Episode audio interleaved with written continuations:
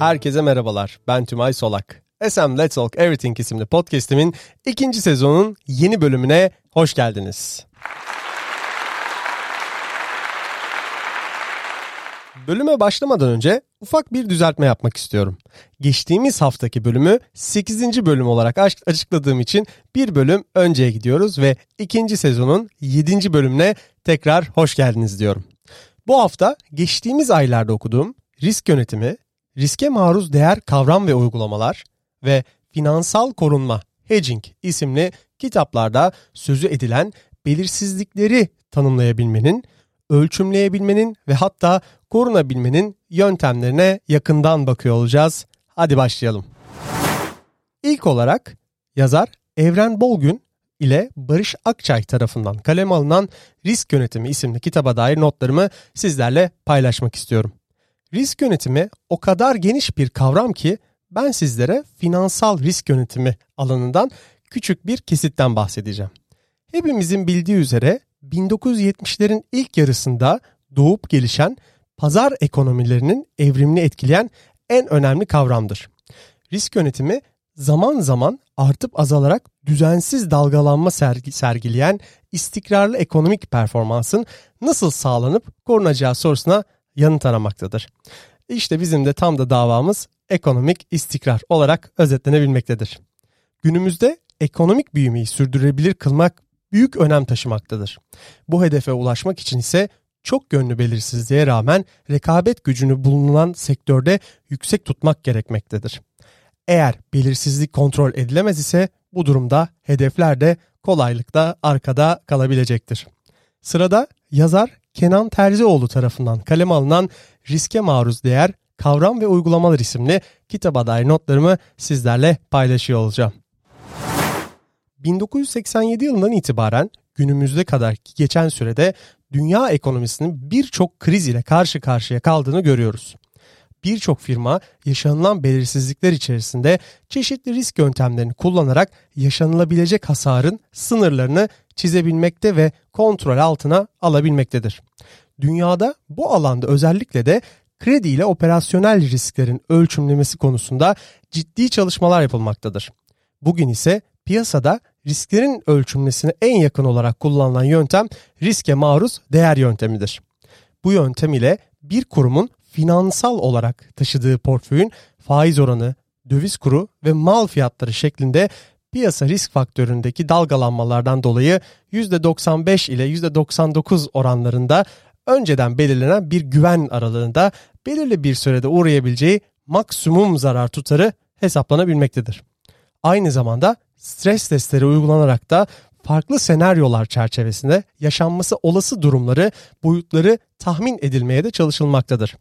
En önemli ise bu senaryolar için kullanılan veri setlerine olan güvenin oluşabilmesidir güven duyabileceğiniz bir veri seti size kısa vadede daha gerçeğe yakın senaryolar hazırlamanıza yardımcı olabilecektir. Son olarak ise yazar Fabrizio Casaretto tarafından kaleme alınan Finansal Korunma Hedging isimli kitaba dair notlarımı sizlerle paylaşmak istiyorum. Firmalardaki temel riskler fiyat, kur, faiz ve ticari alanlarda meydana gelmektedir.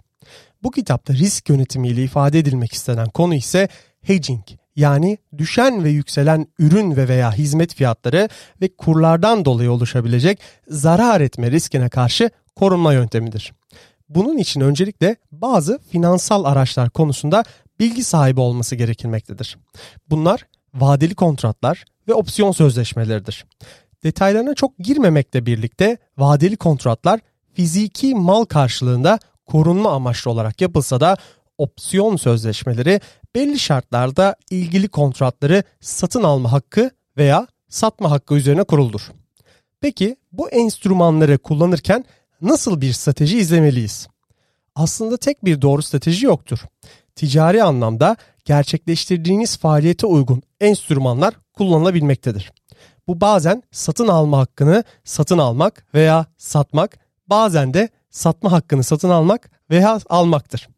Satın alınanın veya satılan şeyler ile kıymetli madenler, metaller, tarım ürünleri, enerji ürünleri veya kurlar olabilmektedir. Bir örnek ile açıklamam gerekirse enerji sektöründe yer alan ticari faaliyetler arasında toptan satış hakkı bulunan firmalar tezgah üstü piyasada yani over the counter piyasalarda ya da vadeli işlem ve opsiyon piyasasında vadeli elektrik alım veya satım yapabilmektedir. Her piyasada olduğu gibi arz ve talebin buluştuğu yerde alım ve satım fiyatları da yer almaktadır. Firma başka bir firmaya vadeli elektrik sattığı durumda pozisyonu kısa, başka bir firmadan elektrik aldığı durumda ise pozisyonu uzun olarak isimlendirilebilmektedir. Pozisyonu kapatmak istediğinde ise ya başka bir firmadan elektrik alacak veya satacak ya da piyasadan pozisyonunu kapatacaktır. Yapılan işlemler kar amacı ile yapıldığı varsayılırsa firma aldığı elektriği yüksek bir fiyattan, sattığı elektriği ise düşük bir fiyattan geri alarak pozisyonunu kapatmak isteyecektir. Bu durumda elektrik fiyatları hakkında bir öngörüde bulunması gerekmektedir. Çeşitli tahmin analizleri yer alsa da elektrik fiyatlarının değişiminden korunma yolları da mevcuttur. Elektrik fiyatlarıyla yapılan analizlerde dolar ile pozitif yönde bir korelasyon olduğu sonucuna genellikle varılmaktadır. Bu şu anlama gelmektedir. Eğer firma uzun pozisyona girecek ise dolar satması, kısa pozisyona girecek ise de dolar alması gerekmektedir.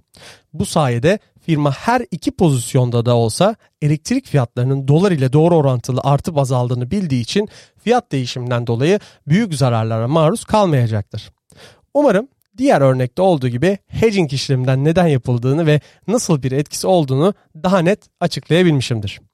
Özetlemek gerekirse her üç kitap içerisinde de sözü edilen aslında finansal risk yönetimi hem kavramları hem istatistiği hem de maddi kaynakları bir arada kullanabilme sanatıdır diyebiliriz.